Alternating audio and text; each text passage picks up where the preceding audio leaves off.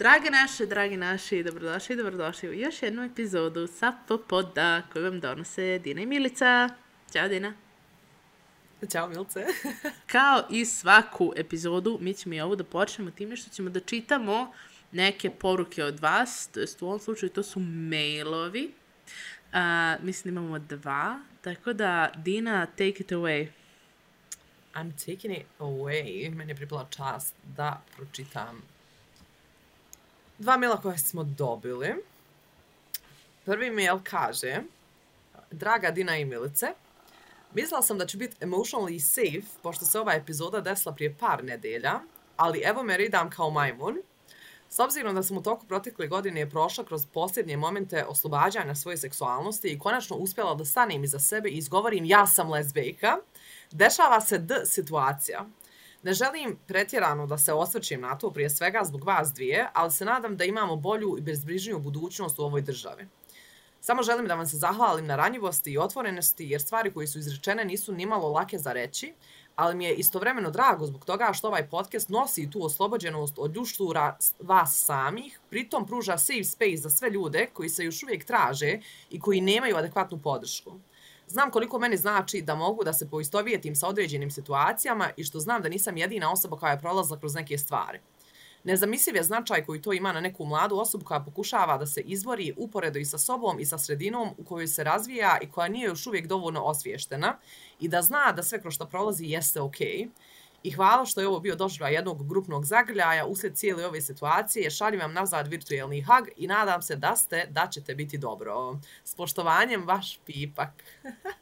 Da, mislim ja ono kao uvijek kad dobijemo uh, slične poruke mailove uvijek volim da naglasim da cilj našeg podcasta i jeste da dijelimo naše iskustva i da budemo otvorene, da budemo ranjive, ali u isto vrijeme da pružimo taj siguran prostor i osjećaj da zaista ljudi nisu sami u svojim iskustvima. I ako možda Milca i ja nismo prošle kroz određeno iskustvo, vjerujte da znamo osobe koje jesu. I da u konačnici to je ono što nas, barem ja želim da vjerujem u to kao ono LGBT zajednicu drži drži, drži blisko ta sličnost u iskustvima ili potreba za sigurnim i, i slobodnim prostorom. I meni je uvijek drago kad čujem da naš podcast i naša platforma jeste to sigurno mjesto za ono mlade LGBT osobe koji se možda pronalaze, za starije LGBT osobe koje se također možda tek sad pronalaze s obzirom da su oni odrasle u još represivnijem režimu nego što smo mi i mi opet negdje imamo barem prividnu slobodu da možemo biti ono kao otvoreni prema prema svijetu, prema javnosti, naravno, mislim, to nosi i neke posljedice, ali u konačnici mi se, mi se borimo s tim, tako da hvala ti na mailu i uvijek mi je drago da čujem da, da jeste pronašao siguran prostor i da se uvijek osjećate kao da vas grlimo, to mi je ono kao super stvar, tako da mi je uvijek milo da pročitam. Ja, ja ću samo da dodam za sve koji su sve ovo vreme veoma zbunjeni, taj čudni zvuk koji se čuje uz Dinu jeste a, predenje ili hrkanje ovog gospodina koji je njoj u krilu. da, naprosto danas nešto neće da se odvoji od mene. I, pa snima zajedno s nama podcast, ovo je Hako. Hako je jedan, jedan mačak, njegove zamjenice su on njegovo, njegova politička opredjeljenost je socijaldemokrata o, i on je, on je naš veliki saveznik. Ja se izvinjavam što je on toliko glasan kad prijede, ali onaj, naprosto je došao, ja sam pokušala da, da, da me ono kao malo pusti, da, da budem sama ovdje, ali naprosto krene da, da pja, plače i da mjauče, tako da je tu negdje u pozadini se, se kreće. uh, ja mislim da dodala bi na to, pošto sad, kako bi rekla iz maila, je prilike timeline što znamo kada je posto, kada je ta epizoda izašla, da um, se tu deo i odnosi na događaj u Banja Luci. I mislim da upravo to što je uh, delimično i ovaj podcast i prosto sve, mislim da pokazuje da u tim trenucima mi kao zajednica prosto moramo da budemo um, zajedno i da budemo bliski da budemo ujedinjeni to je mm, ono non-starter da to je nešto što bi trebalo uvijek, uvijek biti prisutno, ne samo u slučajevima nasilja. Mislim, ja sam prošla i preživjela taj događaj što se desio u Banja Luci i toliko mi je značio taj siguran prostor koji mi je zajednica nudila, to razumijevanje, tu ljubav, a opet s druge strane značila mi i podrška koja je došla i savezništvo koje se rodilo iz tog događaja.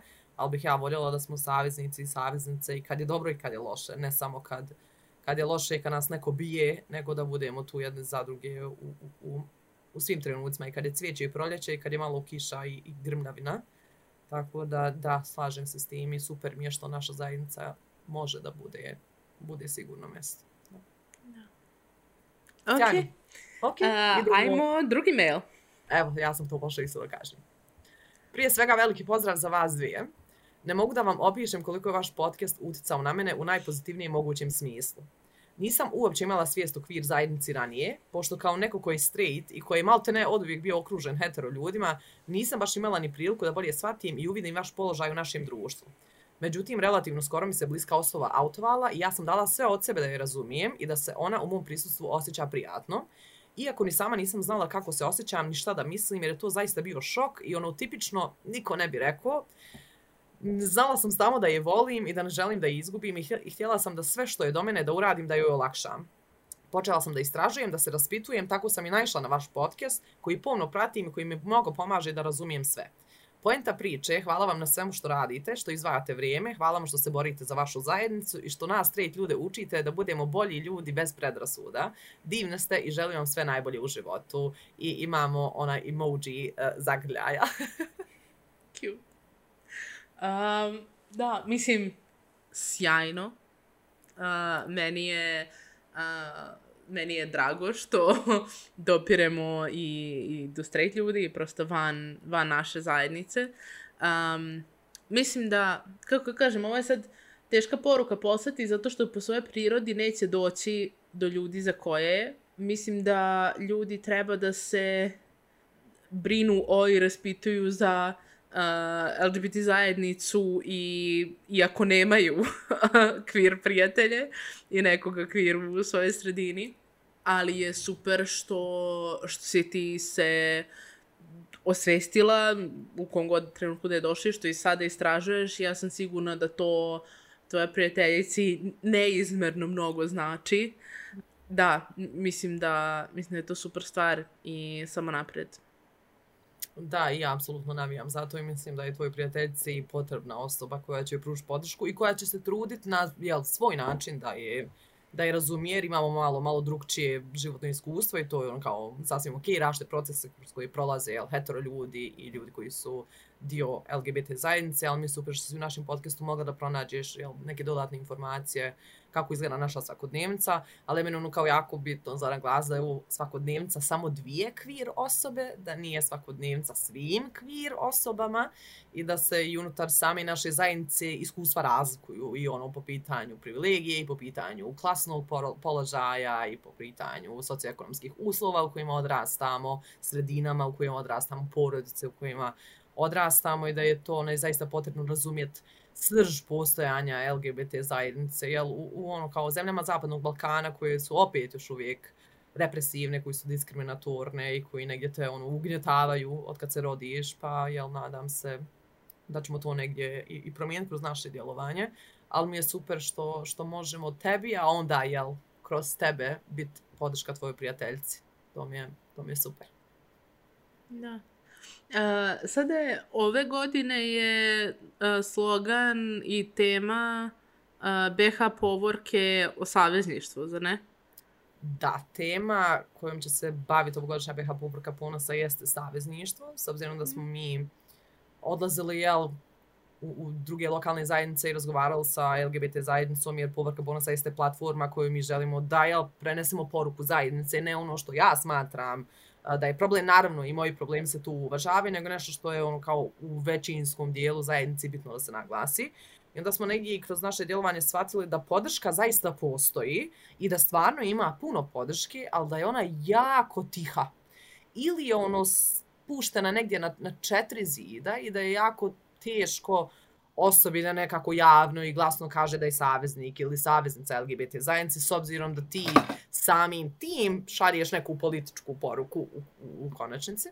Tako da to jeste ovogodišnja tema. Meni je super što smo to tematizirali. A, slogan ne smijem još uvijek da otkrijem zato što ga nismo još uvijek javno objavili, Ovaj, ali evo, pratite pa, pa vidjet ćemo i nadam se da se vidimo kako na Ljubljana Pride tako i na BH Povrci ponosa u Sarajevu 24.6.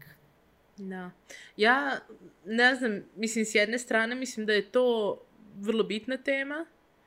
Uh, razumem svakoga ko bude imao problem sa time u smislu valjda treba na prvom mestu, kao otprilike nismo još rešili sve probleme naše zajednice, pa da se sad obraćamo kao van zajednice, nego kao, znaš, mm. ovaj, još uvek, ono, da bude fokus na zajednici i unutar zajednice. Da, mislim, razumem i, i ljude koji će imati možda takav stav. A, da, ali ono što je super je što nije fokus samo na kao savezništvu prema LGBT zajednici, nego je u savezništvu i unutar same LGBT mm -hmm. zajednice, da mi moramo biti saveznice i saveznice jedni drugima. Naša zajednica je opet jako heterogena, Znači, u našoj zajednici postoje osobe koje su osobe s invaliditetom, koji su romi i romkinje, koji su povratnici i povratnice i kojima je potrebno ono kao na, naše savezništvo ljudi unutar same zajednice koji ne dijele sve identitete i ono kao biće razgovora i priče oko tome e, zašto je bitno to, zašto je bitno savezništvo i unutar same LGBT zajednice, između ostalog, jel, imamo taj trenutak terf momenta koji je ono katastrofalan, koji je uzeo velikog maha, zašto je bitno da mi koji ne dijelimo trans identitete budemo saveznici i saveznice trans zajednice, koja je ono trenutno izložena napadu, koja je izložena dehumanizaciji, koja je izložena nekoj vilinizaciji u kontekstu da su oni neki neprijatelji ne, nečeg. Zašto je bitno da mi kao zajednica budemo i saveznici jedni drugima? A onda kao imaš i drugu stranu priče zašto je bitno da osobe koje jesu na, ne moraju biti samo na pozicijama moći, mislim, tu mogu biti naši, ono kao naša mikrosredina, naši prijatelji, prijateljice. Koja, ja bih rekla, i bitnija od nekih pozicija moći. Da, da, da, definitivno, jer tu najviše vremena provodimo ovaj, zašto, je, zašto je i to bitno da ako sam ja saveznica svojoj prijateljici u, u, ne znam, u razredu koja je dio LGBT zajednice, kad profesor profesorca kaže homofobičan komentar ili krene da dijeli informacije koji su neistine, netačne, koji se ono kao, pa, dobro, hako, koji se uh, ne znam, odnose na to da je biti LGBT osoba bolest, zašto je onda bitno da budeš tu u svoj prijateljicu, da ustaneš, da ona ne mora da pravda konstantno sama, ono kao svoje postanje, svoj identitet, da se rehumanizira, nego da ti budeš također ta koja će ono kao ustat za nju i reći ne, biti LGBT osoba nije, nije bolest. Naravno u tom procesu da ne autuješ prijateljicu ili prijatelja ako nisu autovani, nego da zauzmiješ taj stav da ono kao bez obzira u kojem se okruženju nalaziš, da nekad ne moraš sam da nosiš tu, tu borbu. Pa, Dina, da se mi predstavimo, a? Ajde, Milice. Ajde, ćeš da ja krenem? Ajde, eno hake. Ono je hako. Posebni gost, uh, hako. Ja sam Milica. Uh, ja sam cis queer žena, ona njena zamenice. Pazi, dire kako se bori da ne, ne imitira mene dok govori. Sram te bilo. Uh, I pošto smo prestali da delimo svoj horoskop, nego sada delimo naše quote of the day. Uh, moj, moj quote of the day jeste jedan citat uh, koji je malo onako, malo je heavy, ali je meni toliko vrlo onako duboko u meni živi. I sad, originalno je na engleskom, tako da ću reći prvo na engleskom, pa ću ga prevesti. Kaže, often father and daughter look down on mother together. They exchange meaningful, meaningful glances when she misses a point. They agree that she is not bright as they are, cannot reason as they do. This collusion does not save the daughter from the mother's fate.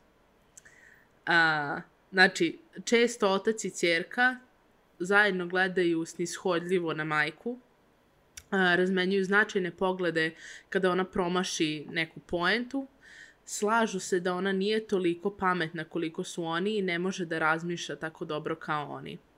A, ova zavera ne spašava cjerku od majčine sudbine.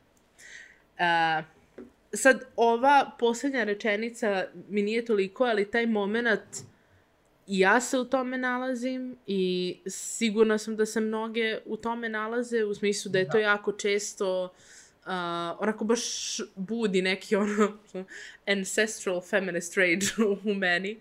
Uh, zašto mislim da je to jako često da kao na, na majku u porodici se gleda snishodljivo, čak i kada je iz neke kao iz šale, iz, skoro iz ljubavi, ali opet je ta neka pozicija kao i, i to je, to me toliko pogađa i nervira i um, da, to je moj quote of the day. Hvala ti Milce, što sam podijela s nama i znam taj quote i imate žene u njemu. Ja. Dobro. A, čao, ja sam Dina, ja sam rodno nebinarna osoba i lezbijka. Moje zamjenice na bosanskom, hrvatskom i srpskom jeziku su ona njeno, a na engleskom she and they. Sa mnom u studiju je gospodin uh, Hako, koji je odlučio ipak da ne smeta našim snimanju, nego da, da bude malo, malo, malo u pozadini. Um, šta još govori? Mislim da je to to, jel sad moj quote of the day. Yes. Ja nemam, nemam toliko dubok. Odlično. Lift the mood. Za danas. Ma nije baš ni lift the mood. Moj citat za danas je Budi voda od Bruslija. znači, a, jao, to mislim sad... Šta? Bruce Lee je rekao budi voda. Mislim, u, u, u suštini da ono što meni taj citat predstavlja jeste taj trenutak, znaš, da kao voda, samo kao pustiš se da prolaziš kroz određene situacije, ali da nikad ne mijenjaš svoju formu ili svoj oblik i da i mirna voda može nekad da zatrese stijenu. Ono kao da je sasvim ok da se ja odmorim i da samo postojim i bivam u nekom, nekom drugom obliku. Ali i ono kao vježe mi se i, i malo, malo i tjelesno, ono kao taj trenutak budi voda, znaš, da, da dopustim sebi i da se opustim i da go with the flow, da u konačnici ja nemam kontrolu nad, nad svim. Ono na čemu ja imam kontrolu jeste da, da budem voda. Tako da to je nešto što mi je danas palo na um kad smo ovaj, rekla da ćemo se čuti da snimamo. I onda sam sjetla, jao, moram imati neki citat. I onda kao od Bruslija, budi voda. je prvo što mi je palo na um. Tako da, eto, to je, to je od mene za danas. Nice, nice. Um, Dina, naša tema danas Ja ne znam ja temu. Mislila. Ti ćeš da. iznenaditi, dobro. Da, nije ništa nešto kao veliko iznenađujuće, odmah ću ti reći šta je. ovaj, naša, naša tema je jedna od meni lično najvećih razlika između toga kada sam bila u vezi sa muškarcima i toga kada sam bila u vezi sa ženama. Uh, a to je kako ja sama gledam svoje telo i kako se ja sama osjećam uh. u svom telu. A, I sada ću ti reći kako sam smislila tu temu. A, pre pola sata a, moja partnerka ja smo kao ležale u krevetu i kao dremala ono popodnevnu dremku i ne, mislim pričale, smejale se šta god. I onda je se ovako, nešto mi je mazala lice s moju jednu ruku oko uhvatilo da je kao, još tu imaš jedan brk koji je mnogo duži od drugi. I mi smo umrle od smeha. I ja se nisam osjećala nimalo loše, postiđeno, bilo šta zbog da. tako nečeg, što sam prilično sigurna da bi, da mi je to uradio, na primjer, partner kad sam bila sa muškarcima. Mm. I mislim da kao to je onako, to mi je uakvirilo to, ali mislim da je stvarno toliko različito. Mm. Ovaj, pogotovo ako imaš kao isto telo kao druga osoba. Da, pa tako sam tala da pričamo o tome. Ok, hajde da razgovaramo o tome, mislim da je to super tema. To je trenutno aktualna tema u mom eh, terapijskom procesu, moj odnos mene prema sobstvenom tijelu. Ali definitivno bi se mislim, složila sa, ne znam da li je konstatacija ili zapažanjem, da se i ja također dosta ljepše i sigurnije i slobodnije osjećam u kao partnerskom odnosu sa ženom. Mislim, ja prvo nemam uopšte iskustva toliko partnerskih odnosa sa, sa muškarcima. to su sve bili neki, neki kratki pokušaj, nisam nikad došla, došla do tog trenutka. Ali znam možda više kroz iskustva prijateljica koje mi ono kao razgovaraju na koji način se oni osjećaju i da ja budem kao mm, u mom odnosu kao sa mojom djevojkom to mi uopšte nije, nije kao palo, palo na um, nego je to jako nešto što je, što je jako nježno i što je otvoreno i u konačnici dosta, dosta slobodnije. Tako da mi je super tema, ono, kao fantastično mi je da je odradimo, da. A, pa eto, ne znam, hoćeš ti možda da kreneš da podeliš nešto? Ili da krenem ja? Pa, mislim, ja ono što stvarno mogu da podijelim je što ja još uvijek se borim sa slikom u sobstvenom tijelu. Imam trenutke gdje sam ono, kao jako sam uvjerena i trenutke gdje ono kao želim da budem pokrivena ispod 7 deka i da me niko ne percipira, da me niko ne vidi. I da moje najveće sigurnosti se i vežu iz nekog razloga kao za moje tijelo. I, on, i onda sam jako i oprijezna kad ono kao u partnerskim odnosima treba po prvi put druga osoba da me vidi golu, ja sam kao ne, vidjet ćeš nešto što se neće svidjet i kao dobit ćeš ik i nešto ti neće, neće, mislim kao da ja pobogu imam sad neku kontrolu kako moje tijelo izgleda ili kako moje tijelo reaguje, ali znam da kad vodim te razgovore sa, sa svojim djevojkom, partnericom, da je ono kao jako ugodno se osjećam da razgovaram čak i o toj nesigurnosti, jer kao um, reassurance koje, koje kao dobijam sa, sa druge strane je osjetiš da je iskrena i da je validirajuća.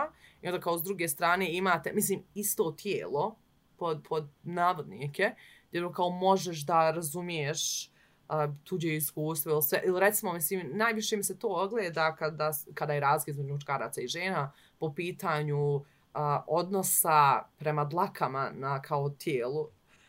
Žene, barem u mom slučaju, boli ih briga. Znači, on su u fazonu, jer, jer sam ja znala pitat, ono kao, hej, ima, kao, znaš, neka preferenca, bla, bla, bla, ne kao preferenca je kako ti održavaš svoje tijelo. Ono kao, znaš, ništa nije bilo kao pod moranjem, ništa se nije podrazumijevalo, ništa nije bilo nazor po pitanju, znači, odnosa dlaka na tijelo. On fazonu, ne, mi smo cool sa svojim dlakama, mi čilamo, mislim, ono, kako, kako god ti u konačnici hoćeš da, da držiš svoje tijelo što mi je super i dosta se i, i sigurnije i lakše osjećam kad sam u odnosu sa ženom. Opet, mislim, ja nemam toliko iskustva sa, sa muškarcima, tako da bih voljela da vidim tu tvoju perspektivu, odnosno komparaciju, gdje je ono, gdje si ti vidjela da je najviše razlike između odnosa sa muškarcima i odnosa sa ženom po pitanju, ono kao odnosa tebe i, i tvog, tvog tijela. To mi je, to mi je super da, da čujem.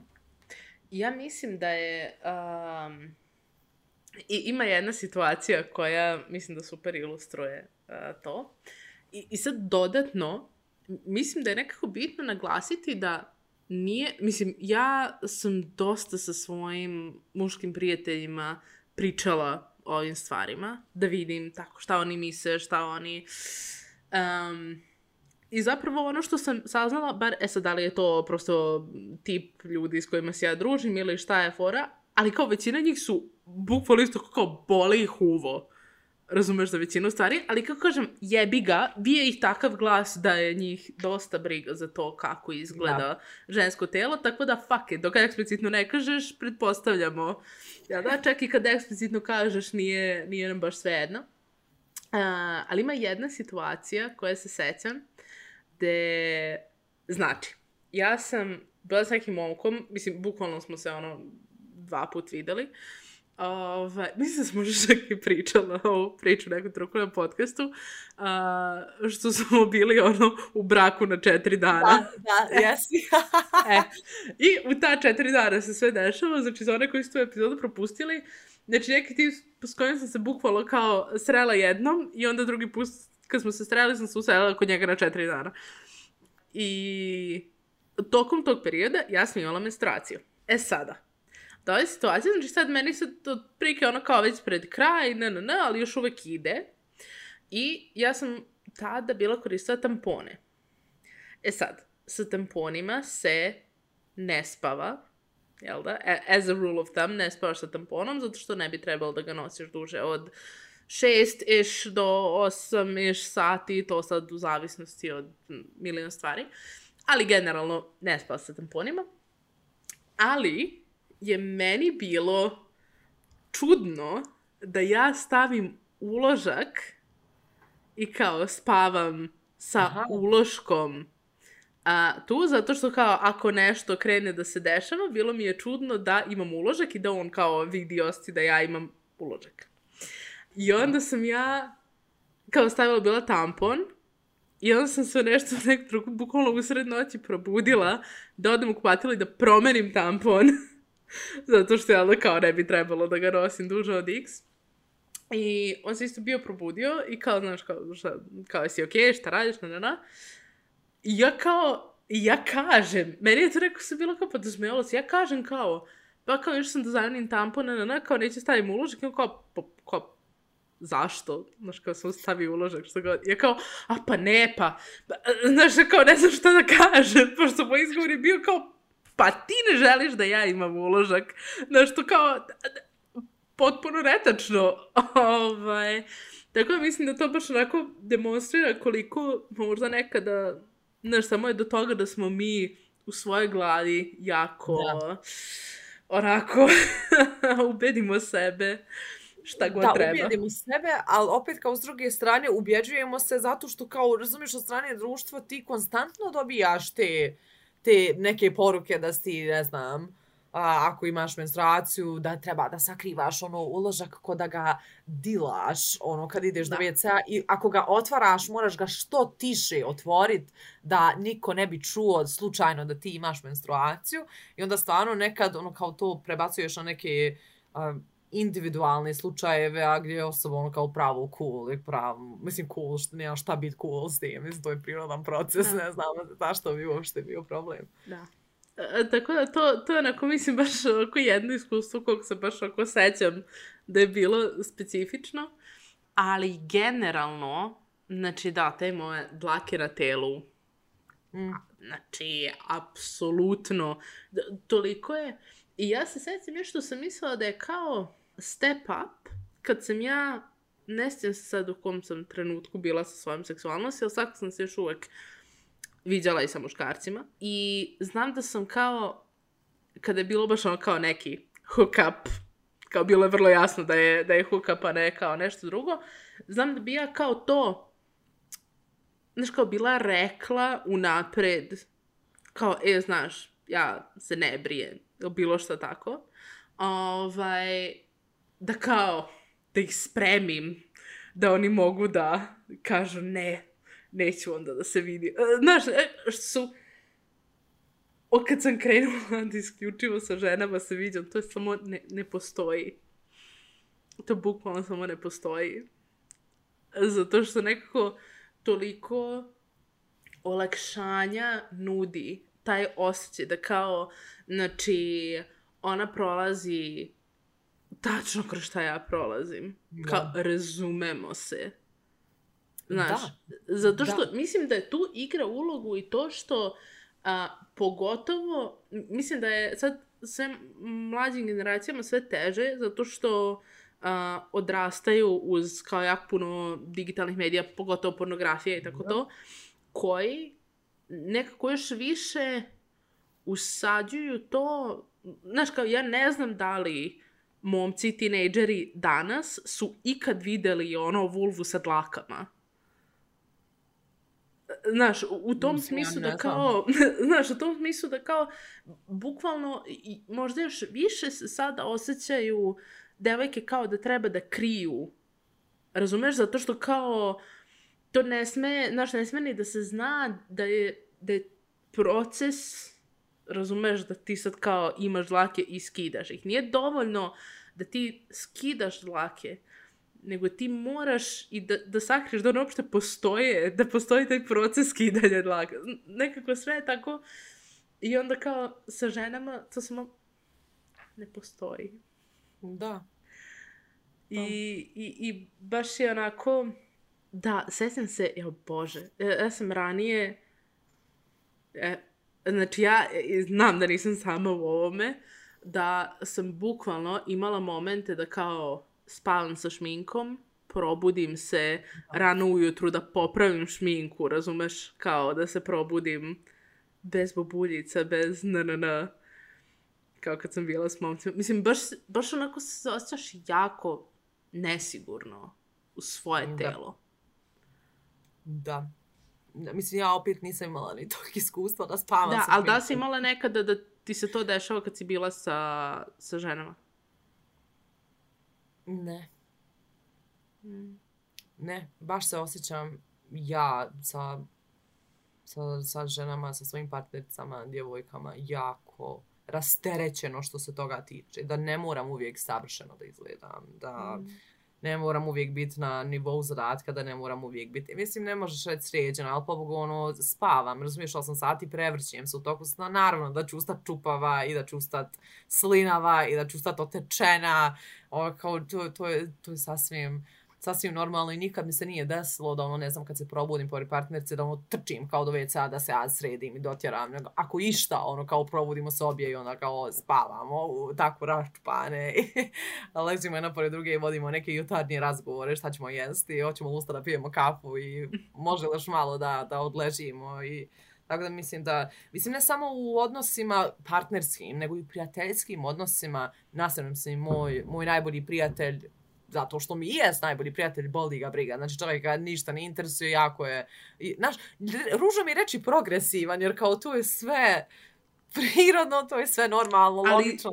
Kod nas danas to jeste progresivno mišljenje, Da. misliti da je normalno. Naravno, ja razumijem kad pričamo u našem kontekstu da se to smatra progresivnim, A, znaš, i, i on isto, ali opet, ono kao kad sam s njim i kad sam sa svojim najboljim prijateljicom, dosta se sigurnije i lakše osjećam sa svojim prijateljicom po pitanju bilo čega. Ono da budem u on, znaš, ne gledam sebi noge ili, ili ruke ili što da budem u on, a jesam li slučajno koju dlaku propustila, ono kao na svom tijelu da je skinem, ili ako se preslačim pa sam u fazonu, aj ne, jel mi ne daj Bože negdje u bikini zoni ostala neka dlačica koju nisam skinula. Znaš, ono kao, nisam nikad to osjetila u, u prisustvu druge žene, druge djevojke, dok ono kao kad se preslačim s svojim najboljim prijateljem, znaš, kao nešto se, sva se sakrijem kao da me, kao da me ne vidi, iako kao vidio me u svakom mogućem stanju u kojem je, je, je mogao.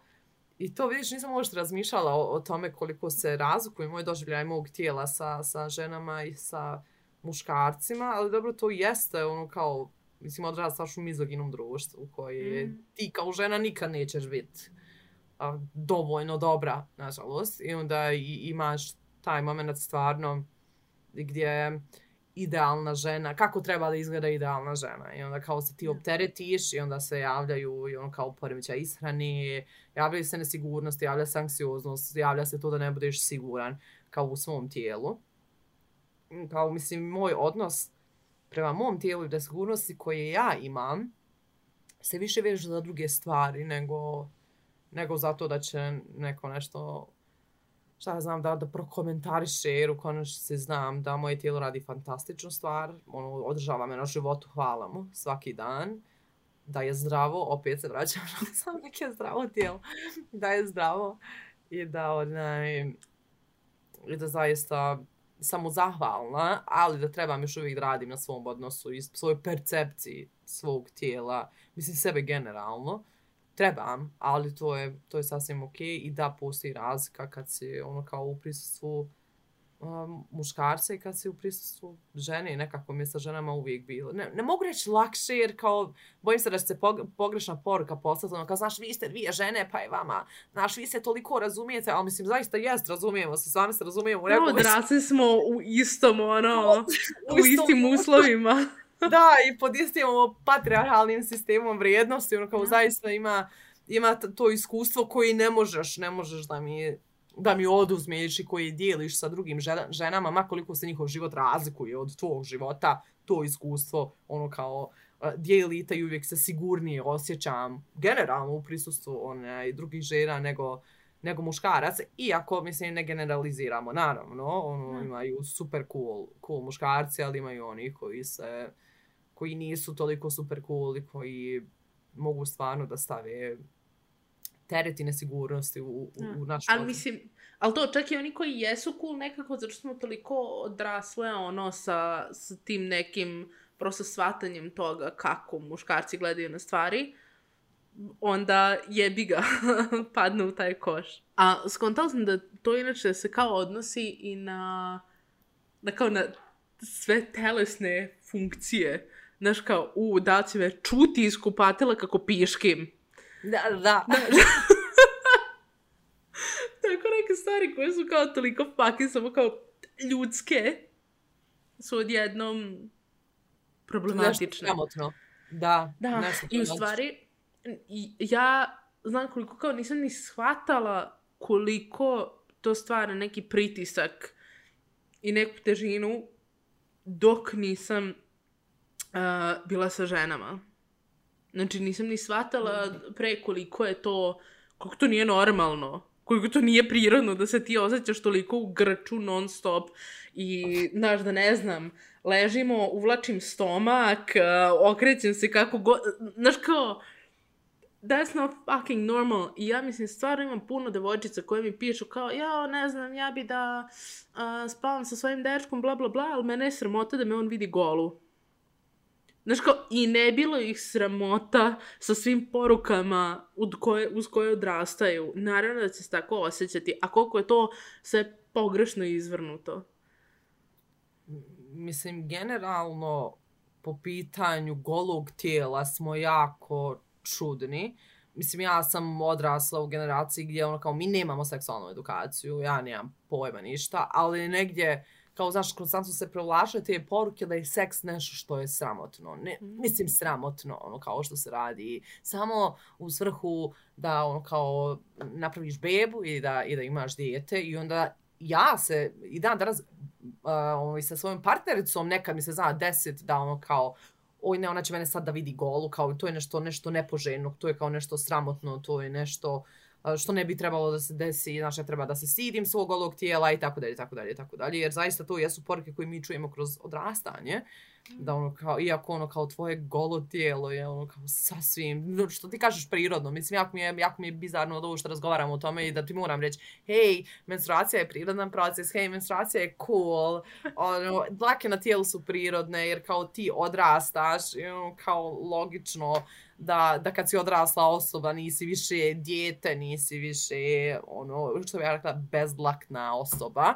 Dakle, imaš dlake koje ti ako želiš skidaš ih, ti ako ne želiš ne skidaš ih. I kao to je sve sasvim okej. Okay. Ako ideš u WC, ako piškiš, sasvim okej, okay, pobogu da te neko čuje, wow, oni ne piške. Mislim, ako imaš menstruaciju otvaraš uložak, nije ništa sramota da te kao neko čuje da otvaraš a, uložak u kupatilu. Mislim, ono kao to je jako bizarno što Ja. razgovaramo o tome, ali da, zaista kad odrasta šalju ti se takve poruke da ono, kao treba da se stidiš, treba da se srami. Pogotovo ženama, mislim, ženska seksualnost je nešto što se, ne mogu reći negira, nego što se stavlja u neke drugi plan i žensko zadovoljstvo prilikom vođenja seksualnih odnosa i zaista to što čuje se jeste da ti ako si žena imaš bez obzira kakav seksualni odnos, taman da je on u svrhu ono kao pravljenja djeteta i bebi da je to nešto sramotno. Da ti kao si, treba, treba nešto da se stidiš, što je ono kao problematično jer žene vjerovali ili ne mogu da uživaju u seksu. I trebaju da uživaju u seksu. I da to treba biti nešto nešto što je zabavno, nešto što vas spaja, nešto što je neka druga intima na koju ono kao društvo ti šalje, šalje porke, meni je to na nekom drugom nivou uh, intima, ali nije ništa što je sramotno, da ono kao imaš potrebu za seksom, wow, strašno. Ovdje tako da da, onda mislim, opet mislim, ja ne mogu toliko da kompariram kako je biti sa muškarcem, kako je biti sa djevojkom, jer kao nemam, nemam toliko tog iskustva, ali znam zaista Pa da svi mi znamo da se ti Dina gej rodila i da si ja, odmah ja sam znala. rodila i rekla, eto, ja, ja lezbejka, naprosto doktor me podigo rekao, ej, ona je lezbejka i to je to.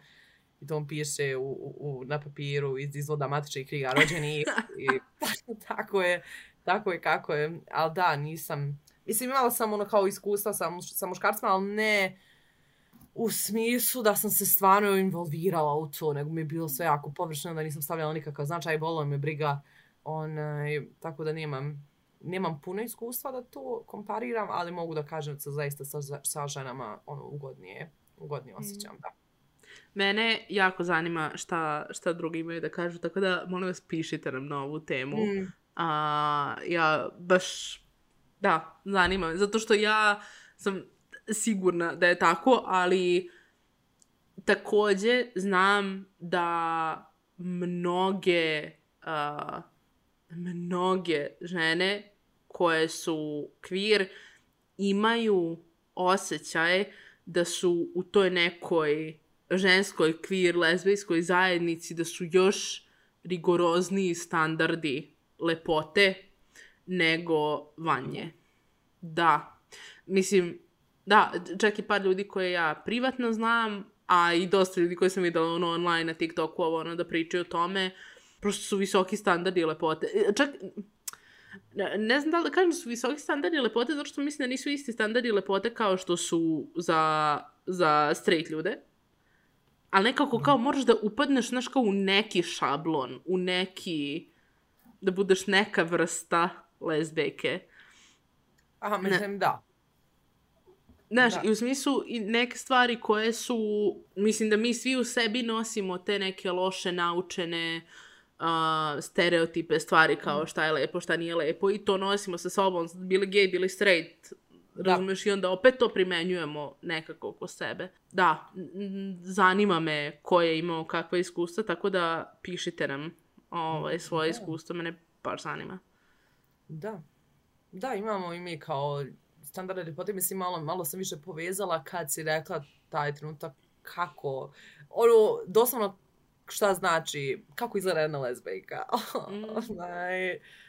da, da imamo e, i od jednih drugih neka očekivanja. Iako se nužno, ono, kao ti ne uklapaš u taj šablon, znaš, kao malo si, kao, kao sumljiv, što ono, kao, mislim, ne bi trebao biti nikakav drugi šablon. Mislim, biti gej nema nikakav nema nikakav mm. onaj šablon konkretno kako treba da izgledaš. Ali da, bilo bi mi interesantno da čujem iskustva a, drugih ljudi po pitanju i tog unutar sami naše zajednice, ali ako imaju iskustva da kompariraju a, gdje, su se, gdje su se bolje osjećali. Da. I mislim da je to nešto što je da, zaista nešto što vučemo kao šablon ovog eh, heteropatriarhalnog društva u kojem mi živimo i gdje smo samo kao to preslikali na našu, na našu zajednicu.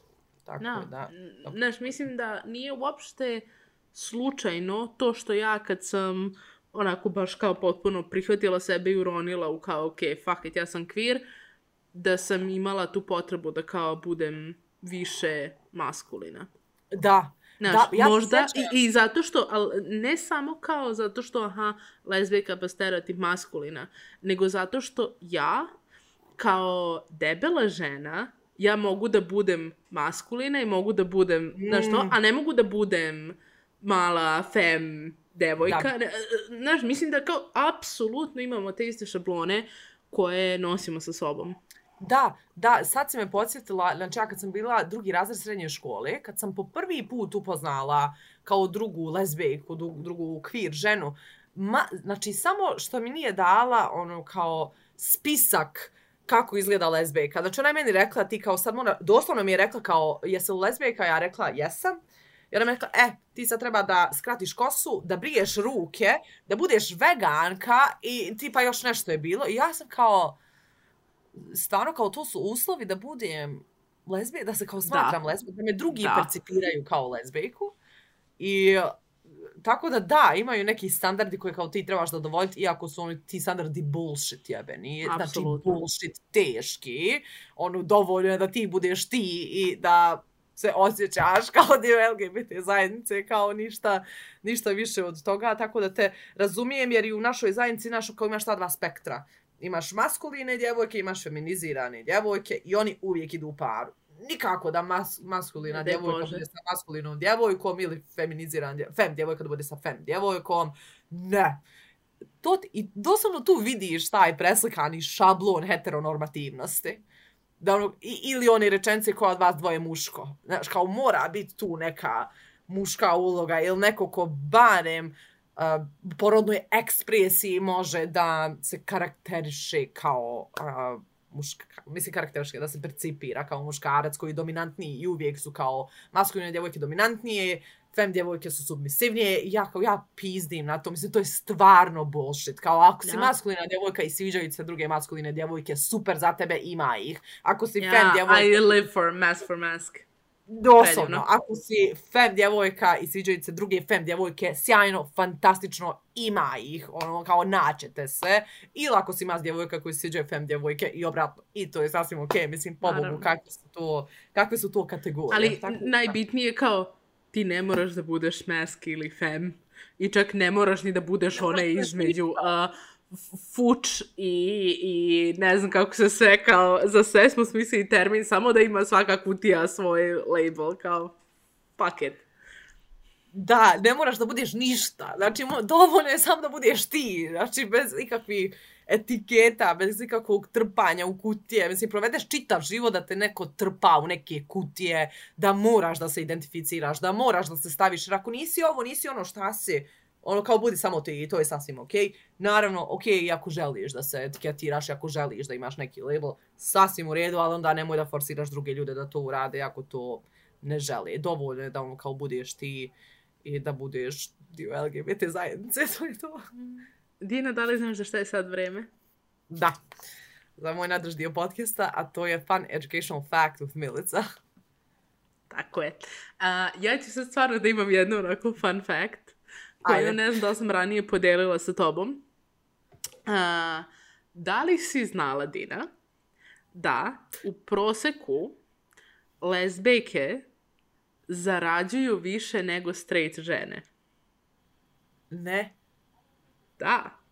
Šta više, to se meri ne samo time kao ko se kako identifikuje, nego zapravo što si duže u svom životu živjela u nekom partnerskom odnosu sa muškarcem, to su ti veće šanse da ćeš manje zarađivati. A što si manje svog života provela živeći u partnerskom odnosu sa muškarcem, to su ti veće šanse da ćeš više zarađivati. Cool. A? I onda kažu da ne postoji gay agenda i gay privilege. Ja bogata. ja više zarađujem od straight muškarca, od ovo straight žena. Mislim, grozno, ne bi. Straight žena, da. Jao. Nisam uopšte razvi, nis, i nisi to da sam podijela sa mnom, to nisam znala. Da. Onaj, ali dobra informacija za, za znat. Mm. Cool, hvala Milce. Eto, ništa, to je bio tako fun fact. Dragi i dragi, hvala vam što ste bili sa nama u još jednoj epizodi Safopoda, a koji su vam donijeli Dina i Milica. Kao uvijek, mi smo prisutne na društvenim mrežama, pišite nam na Instagramu at safopod ili na mail safopod at gmail.com. Također i na TikToku smo at safopod. Radujemo se i vidimo se u idućoj epizodi. Ćao!